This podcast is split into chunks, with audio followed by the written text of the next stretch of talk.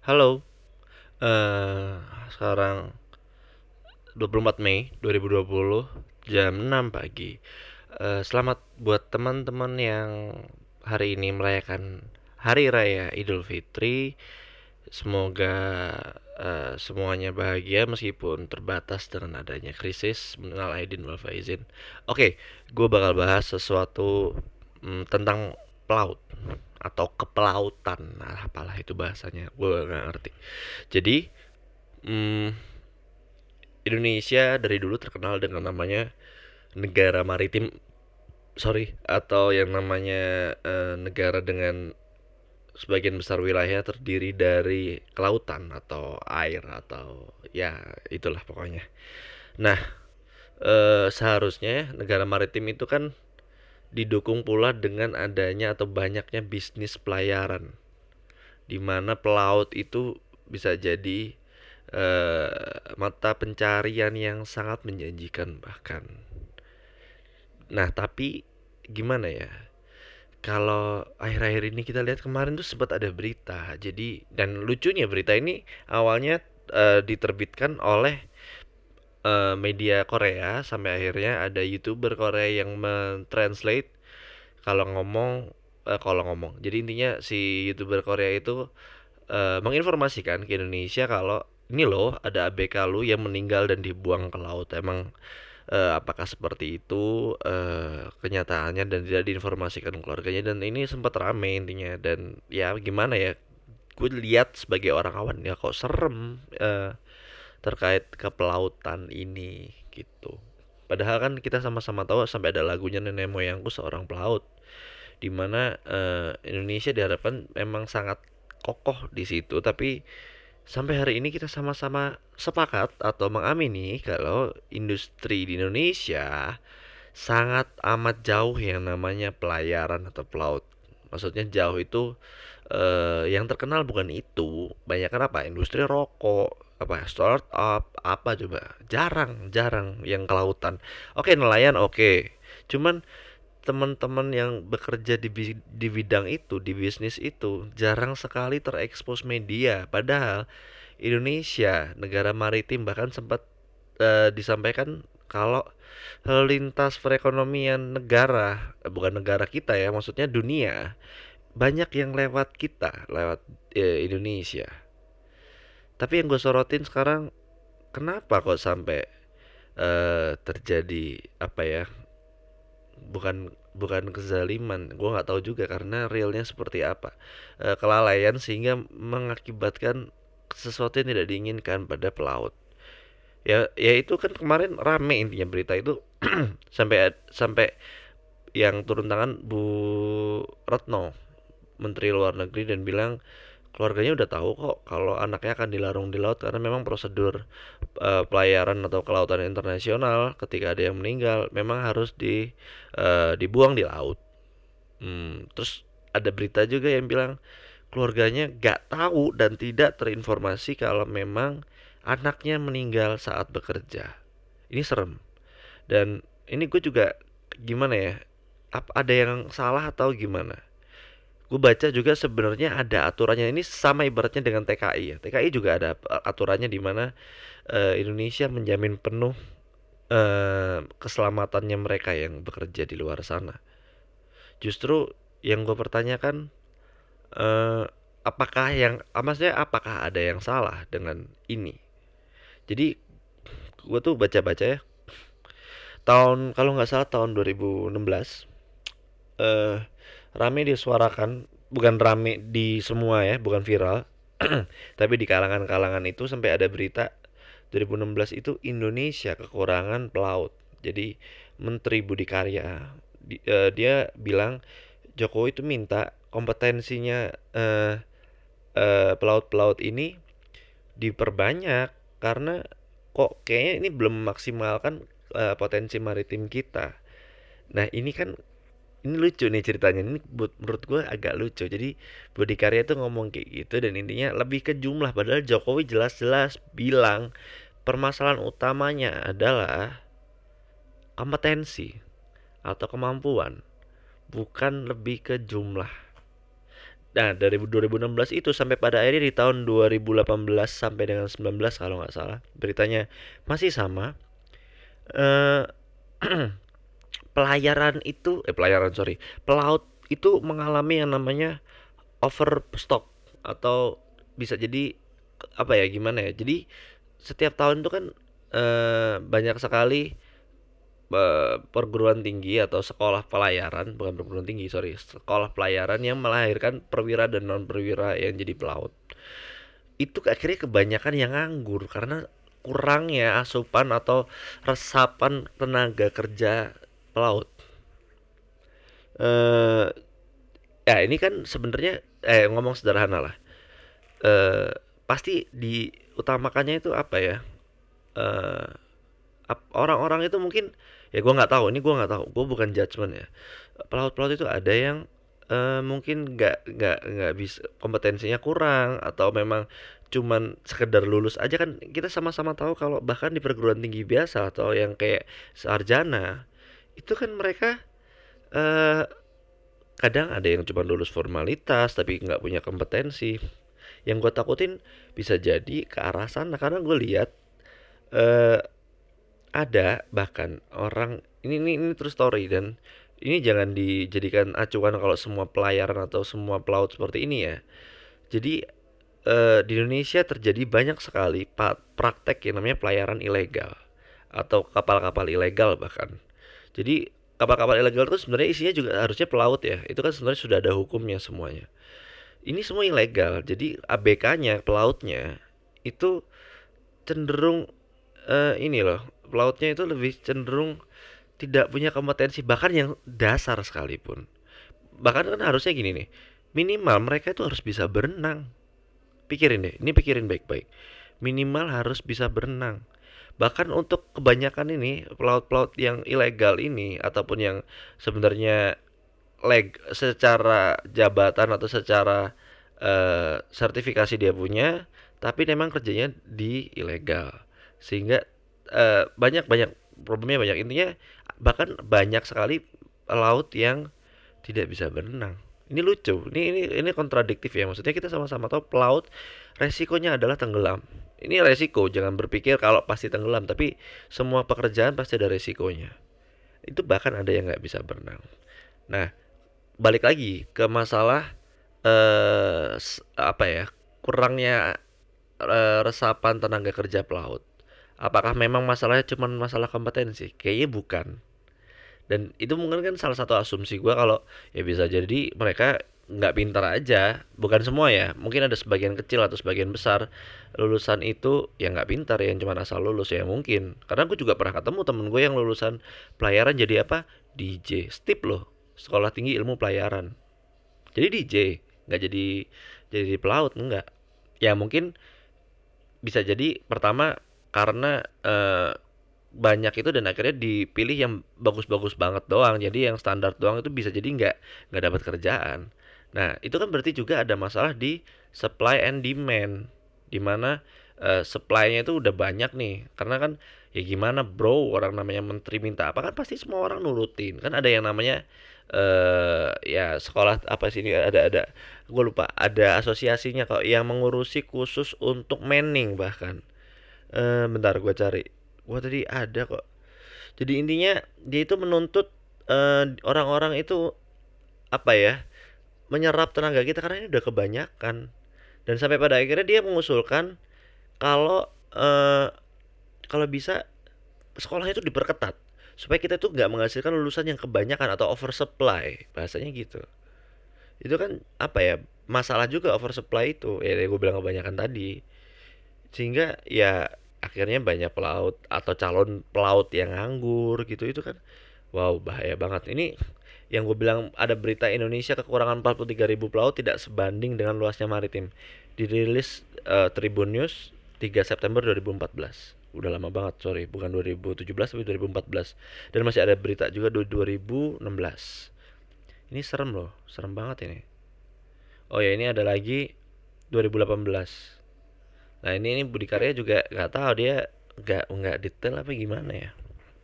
Kok sampai ada jadi bahkan di periode 2018 ada yang bilang kelebihan ada yang bilang kekurangan. Gue bingung yang mana yang benar kelebihan apa kekurangan.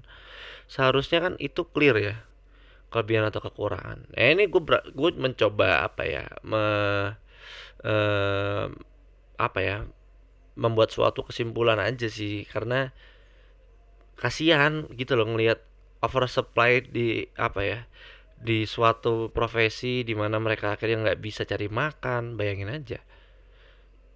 Dan eh gimana? Akhirnya gue cari tahu cari tahu eh sebenarnya masalahnya di mana? Dan ternyata memang ada di masalah di demand nggak cuman di uh, sekolahnya. Kan sekolah itu sebenarnya dibilang itu karena supaya men apa ya uh, bikin dikit aja bikin supaya ya nggak usah banyak-banyak. Lah lulus tuh lu tiap tahun ini loh buka perekrutan mahasiswanya itu jangan banyak-banyak dikit aja. Yang penting kita tuh berkualitas. Karena kan kadang gini nih permasalahan ketika ada yang lulus nggak berkualitas kan pasti yang jelek atau yang dicap buruk adalah si sekolah tinggi ilmu pelayarannya sendiri atau ya ini salah satu ya contohnya step gue nggak tahu jenisnya apa. Pokoknya sekolah tinggi pelayaran lah. Sorry. Jadi gue cari maksudnya apa sih ada namanya eh, asosiasi inilah perkumpulan pebisnis pelayar tuh namanya INSA Indonesian National Ship Owners Association. Buat yang belum tahu uh, industri pelayaran itu terbagi dua. Ini kalau nggak salah sorry kalau gue salah ini setahu gue doang. Uh, ada dua. Jadi uh, yaitu uh, yang untuk shipment atau pengiriman barang sama untuk uh, pariwisata jadi kayak kapal pesiar gitu-gitu itu juga butuh yang namanya tenaga kerja pelaut Nah, eh sebenarnya ternyata market share yang disumbang sama pelayaran itu jauh lebih eh sorry uh, untuk shipment uh, itu jauh lebih besar daripada pariwisata. Jadi pariwisata ya memang one of the thing lah, cuman bukan concern utamanya pelayaran sendiri. Nah, pelayaran itu ternyata permasalahannya dari tahun ke tahun tuh kayak nggak diselesain, yaitu banyaknya pajak, banyaknya birokrasi yang ribet, di mana bisnis pelayaran sendiri itu eh high apa ya high risk tapi low return. Nah ini kan prinsip investasinya aja agak susah. Jadi resikonya gede di mana kan ketahuan nih ngeluarinnya gede, misalkan untuk beli kapal, bel, uh, gaji uh, pelaut. Ya, ini kalau gue lihat rata-rata gaji pelaut yang kayak non perwira 6 juta, yang perwira 20. Bayangin nggak nggak mahal apa ngegaji mereka kalau dari sisi pengusaha sedangkan yang namanya peraturannya masih banyak yang bikin mereka ogah-ogahan nah justru ya gimana ya maksudnya harusnya kan pemerintah itu memberikan stimulus baik dalam sisi eh, modal ataupun mempermudah peraturan supaya nggak bikin mereka jadi jerah dan mulai misalkan mulai uh, meninggalkan bisnis pelayaran dan atau perkapalan tadi. Buktinya banyak sih di sini. Jadi uh, Insa itu udah uh, mengajukan nih seperti itu. Oh, tolong dong kurangin birokrasi segala macam. Bahkan sampai pada akhirnya tanggal berapa nih? Uh, ini sudah dilakukan 2016 di, diajuin sama uh, komite DPD RI komite 2 DPD RI intinya mereka minta kalau masalahnya seperti implementasi UU pelayaran di antaranya regulasi tarif yang memberatkan pelaku usaha, perlindungan pelaku usaha pelayaran dalam negeri yang masih kurang ataupun fasilitas pelabuhan yang tidak memadai ini 2016. Nah, syukurnya eh, masalah infrastruktur akhirnya kan banyak banget pelabuhan, tapi Insa ini di tahun 2017 bilang jangan dibanyakin pelabuhan internasional, dikit aja. Kita tuh nggak mau, maksudnya pelabuhan internasional bukan intinya yang mereka permasalahkan bukan pelabuhan internasional tapi lebih tepatnya jangan banyakin uh, channel untuk orang luar itu ke Indonesia. Atau kalau bisa kita aja nih yang menguasai lalu lintas ini.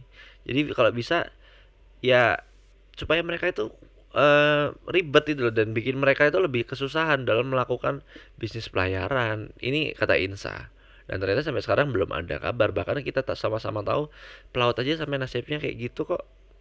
Ya mungkin gue salah dan bisa jadi salah. Cuman ya faktanya ya apa ya kayak TKI yang kita sama-sama nggak tahu tiba-tiba di sana uh, mereka disiksa sama majikannya. Terus orang Indonesia apa kita pemerintah Indonesia cenderung lambat.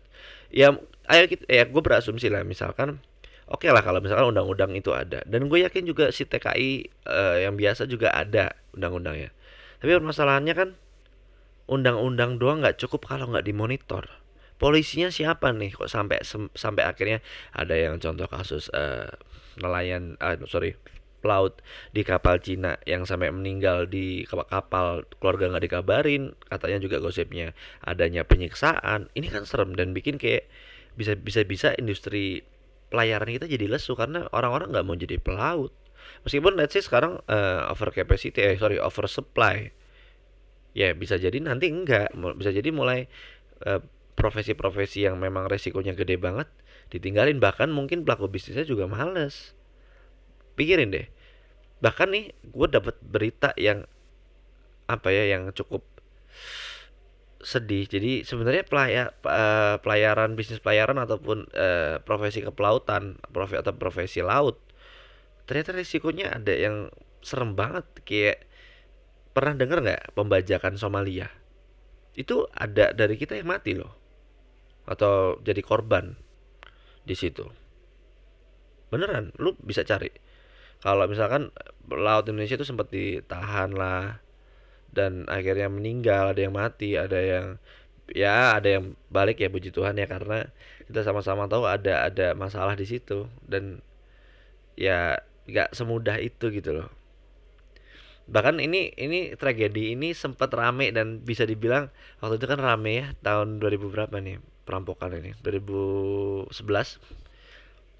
kayak dibilang film kayak Captain Phillips di mana Captain Phillips kan juga kapalnya dibajak pertanyaan gua itu kan udah 2011 apakah memang setelah itu sudah selesai? Ternyata enggak. Dan masih banyak pembajakan-pembajakan masih oleh pelaku yang sama. Gila nggak tuh? Masih oleh pelaku yang sama yang dibilang perompak Somalia atau bajak laut Somalia. Ini masih ada terus dan gue yakin teman gue juga tahu eh ini dari tahun ke tahun nggak pernah berhenti loh kasus ini. Ada yang bilang setelah lima tahun aman makanya kembali beraksi. Dari 2017 ini beraksi lagi.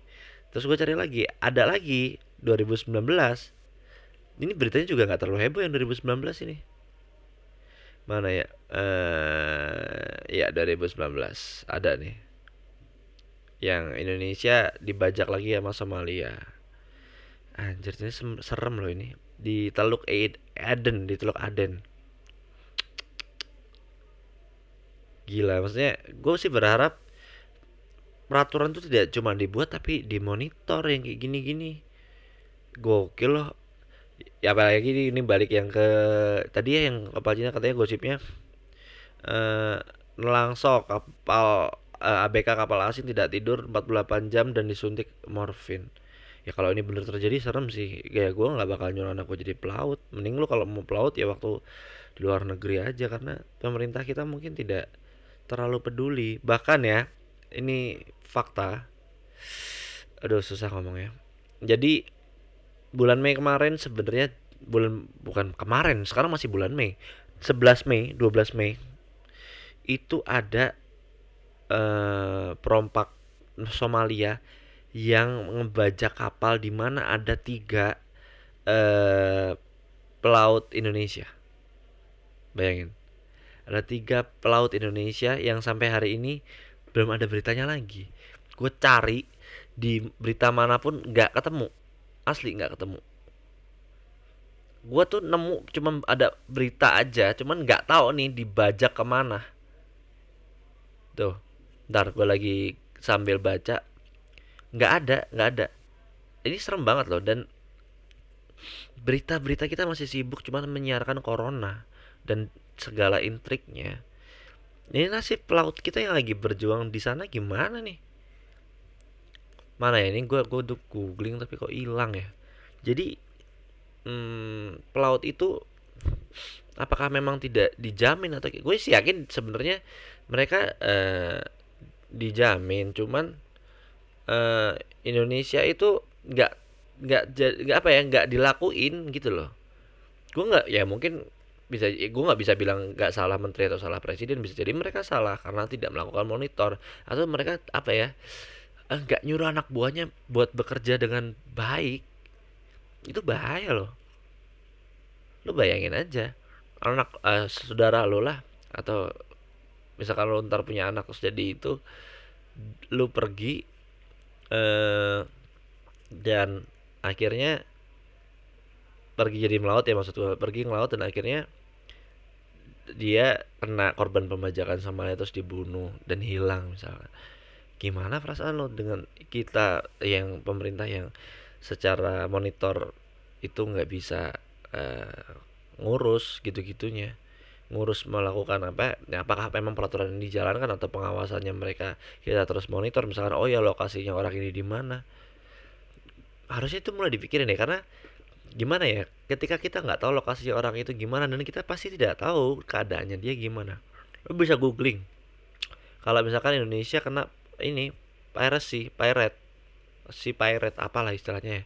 Pokoknya intinya ada kapal dibajak dan isinya orang uh, ada ada uh, abek atau pelaut India pelaut Indonesia sama pelaut Nigeria. Dan beritanya udah mulai hilang lagi udah mulai tenggelam beritanya. Dan ini berita luar. Lo cari aja Somali Indonesia uh, pirate itu uh, mulai mulai rame tuh. Ini baru Mei dan gue nggak pernah lihat Kompas nayangin ini. Anyway uh, detik nayangin ini. Gue tuh apa ya ya paling nggak semua profesi ayolah kita bahas sama-sama yang rata gitu loh. Jangan cuma satu profesi dokter mulu. Ya gue tahu dokter lagi susah tapi ketika ini, ini yang gue bilang kemarin masalah demokrasi.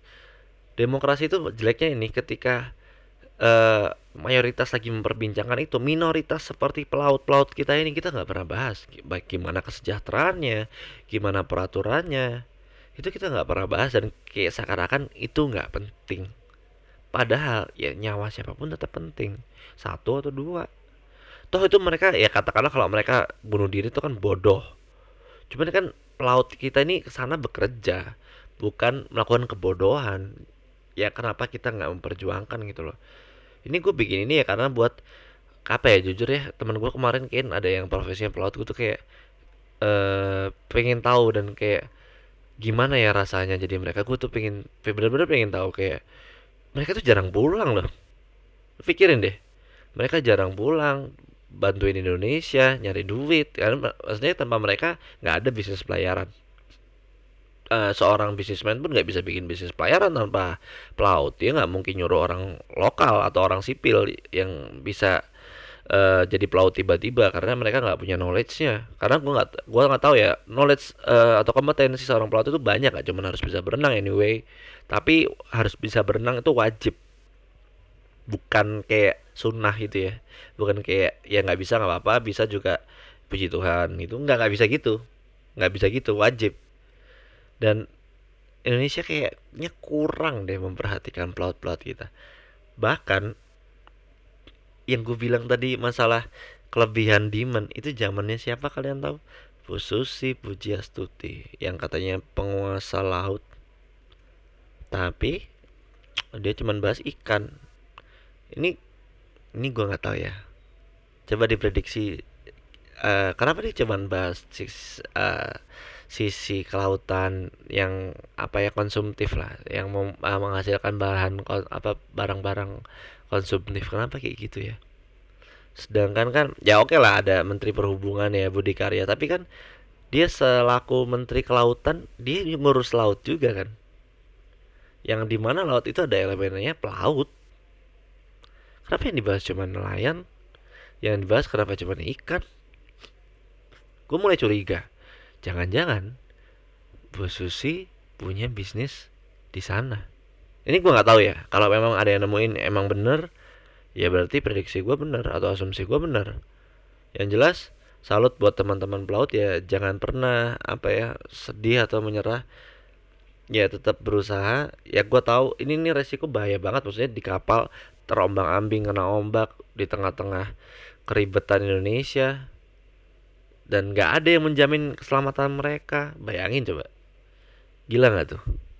Kalau gue bilang sih ya cukup gila ya. Maksudnya untuk orang normal kayak gue yang mungkin menimbang segala resikonya gue nggak bakal jadi pelaut. Dengan kondisi yang apa ya bukan sekarang dalam pandemik maksudnya dalam baru-baru ini misalnya 2019 gitu ya gue nggak bakal loh jadi pelaut. Karena gue tahu uh, apa ya resikonya gede banget. Jujur gue takut sama yang resikonya gede. Kalau bisa meminimalisir resiko kenapa enggak? Karena balik lagi gue bilang bisnis pelayaran itu ataupun jadi pelaut resikonya gede baliknya belum tahu belum tentu loh. Bayangin lu terombang ambing nih. Memang dia ombak nggak tahu tuh lu selamat apa enggak. Dan itu lama. Kita sama-sama tahu antara darat saya eh, sorry antara perjalanan laut sama perjalanan udara. Jauh lebih cepat uh, udara Nah, laut, lu di laut terombang ambing itu berapa hari, bukan jam ya, hari, bayangin. Lu lama di laut, kayak mungkin orang-orang itu kalau mau udah diajak pacarnya misal sayang ke sushi teo ditampol kali pacarnya. Ini orang-orang gue yakin bosen nih makan ikan. Yakin banget. Gimana Bu Susi? Ayo makan ikan. Orang-orang ini nggak perlu tuh dikasih tahu gitu tuh sama Bu Susi ayo makan makan ikan biar pinter. Nggak perlu mereka bosen bu bosen. Tiap hari saya makan ikan. Saya mau makan daga eh, saya mau makan daging ayam daging babi kalau perlu bu. Ya gue nggak tahu bisa jadi kayak gitu. Ya karena gue bilang gue tidak akan memilih profesi pelaut makanya gue salut sama mereka. Mereka tahu eh uh, uh, apa ya konsekuensinya gede banget resikonya gede banget. Mereka tetap pilih. Entah itu gue nggak tahu ya ada dua nih entah itu mereka memang sangat cinta yang namanya menjadi pelaut atau ada orang bodoh yang mau itu. Kenapa bodoh? Bukan gue berarti bilang pelaut-pelaut bodoh, beda. Gue bilang ada yang cinta, ada yang ada yang bodoh. Jadi kecintaan itu bukan berarti bodoh dong. Mereka itu udah passion aja jadi pelaut. Yang bodoh itu yang ini nih. Kan si Budi Karya itu selalu ngomong gaji pelaut gede banget. Jangan jangan kira pilot sama pelaut itu mahalan pilot. Pelaut lebih mahal gajinya ya mungkin karena itu mereka udah langsung wah berbondong-bondong bikin apa ya ngedaftar jadi sekolah pelayaran sampai pada akhirnya nggak jadi apa-apa. Bahkan waktu itu juga banyak banget sekolah pelayaran baru-baru yang awalnya di Indonesia cuma empat kalau nggak salah ya. Sorry kalau salah. Itu banyak banget. Ya gue sih berharapnya Indonesia mulai memperbaiki dari sisi kompetensi pelaut yang mereka bener-bener diawasin gitu loh yang lulus kayak apa modelannya. Jangan cuman bisa karena biasa nanti. Jangan serem banget tuh kayak lu gambling namanya men. Nggak banyak nggak punya resiko apa ya lu nggak punya kalkulasi resiko yang akan terjadi serem. Terus dari bisnis pelayaran juga ya dipermudah lah izin-izinnya secara pajak dikurang. Gini loh pajak itu lu banyakin pertanyaan gue lu pajak pajak banyakin dan bisnisnya tumbuh atau enggak orang 2020 sebelum corona ini pun dibilang masih ada kok peluang karena uh, setelah yang kemarin uh, Pak Jokowi mengumumkan lima destinasi, uh, destinasi wisata baru, itu mereka udah mulai tuh memikirkan yang namanya diversifikasi. Jadi orang yang misalkan biasa bisnis pelayarannya cuman uh, shipment aja, mulai tuh oh ya gue beli deh kapal buat uh, pariwisata. Ba ada ada sampai yang mereka mau minjem duit segala macam, mereka mau beli kapal kapal pesiar yang kapal pariwisata buat akomodir eh, turis-turis yang doyan naik kapal. Bukan bukan cuman ini ya bukan cuman buat shipment. Eh, mereka udah positif udah op optimis nih di awal tahun. Sayangnya kena corona. Makanya gue bilang uh, bukan berarti Indonesia tidak bisa maju cuman tergantung orangnya mau benar-benar bekerja atau enggak. Gue sih yakin ya. Kalau dari sisi presiden atau Budi Karya mungkin hmm, gue nggak bisa bilang dia jelek tapi dia juga nggak bagus banget karena tadi yang gue bilang dia nggak memperhatikan kompetensi uh, pelaut ya misalkan sekolahnya harus gimana dan dia harus mikirin dong uh, demandnya seberapa. Tapi bagusnya adalah kita punya tol laut. Eh tol laut maksudnya bukan tol laut itu tol di atas laut buat yang salah tangkep ya. Intinya uh, laut-laut itu dikasih aturan baru supaya mereka bisa lebih bebas beroperasi. Itu yang mereka harapkan. Ada kok beritanya lu bisa cari. E, mungkin gue takut lebih sotoy lagi ya karena ini bisa aja salah. Tapi bisa jadi eh semoga lah ya kalau ketika e, tahun depan itu mulai lancar lagi atau udah mulai corona ini hilang karena kan kemarin sempat rame ya yang namanya uh, UU Minerba itu orang-orang udah mulai aktif lagi dalam usaha tambang. Dan bahkan seingat gue kemarin teman gue di uh, Astra Agro bilang uh, Menteri uh, SDM mulai uh, merencanakan yang namanya fokus uh, di industri itu. Karena Indonesia punya source paling gede di dunia ini atau kelapa sawit tadi di mana itu bisa jadiin bahan bakar. Gue yakin nih kan orang shipment itu kebanyakan bukan barang produktif yang dikirim tapi kayak bahan bakar minyak, eh, mineral, batu bara, kayak gitu-gitu. Gue yakin ketika ini selesai semua dan UU Minerba beres, banyak investor datang apalagi kita tahu pabrik Cina ke sini. Gue yakin 2021 paling lambat 2022 pelayaran Indonesia bisa gokil lagi seperti yang kita cita-citakan atau kita tahu dulu di zaman kerajaan Majapahit Indonesia punya kerajaan maritim terhebat ya Majapahit itu ya semoga Indonesia balik di masa kejayaan itu menjadi penguasa lautan. Ya nggak ya sayanglah kita punya Nyi Roro Kidul kalau kita nggak bisa jadi penguasa lautan di wujud manusia ini. Mungkin segitu dulu dari gue moga-moga apa yang gue sampaikan bisa berguna. Kalau gue salah mungkin karena ya gue salah aja sih. Ya gue mohon maaf kalau gue salah. Intinya stay safe stay clear. Ya minal aidin wal faizin buat kalian. Eh, semoga tetap sehat ya. Bye bye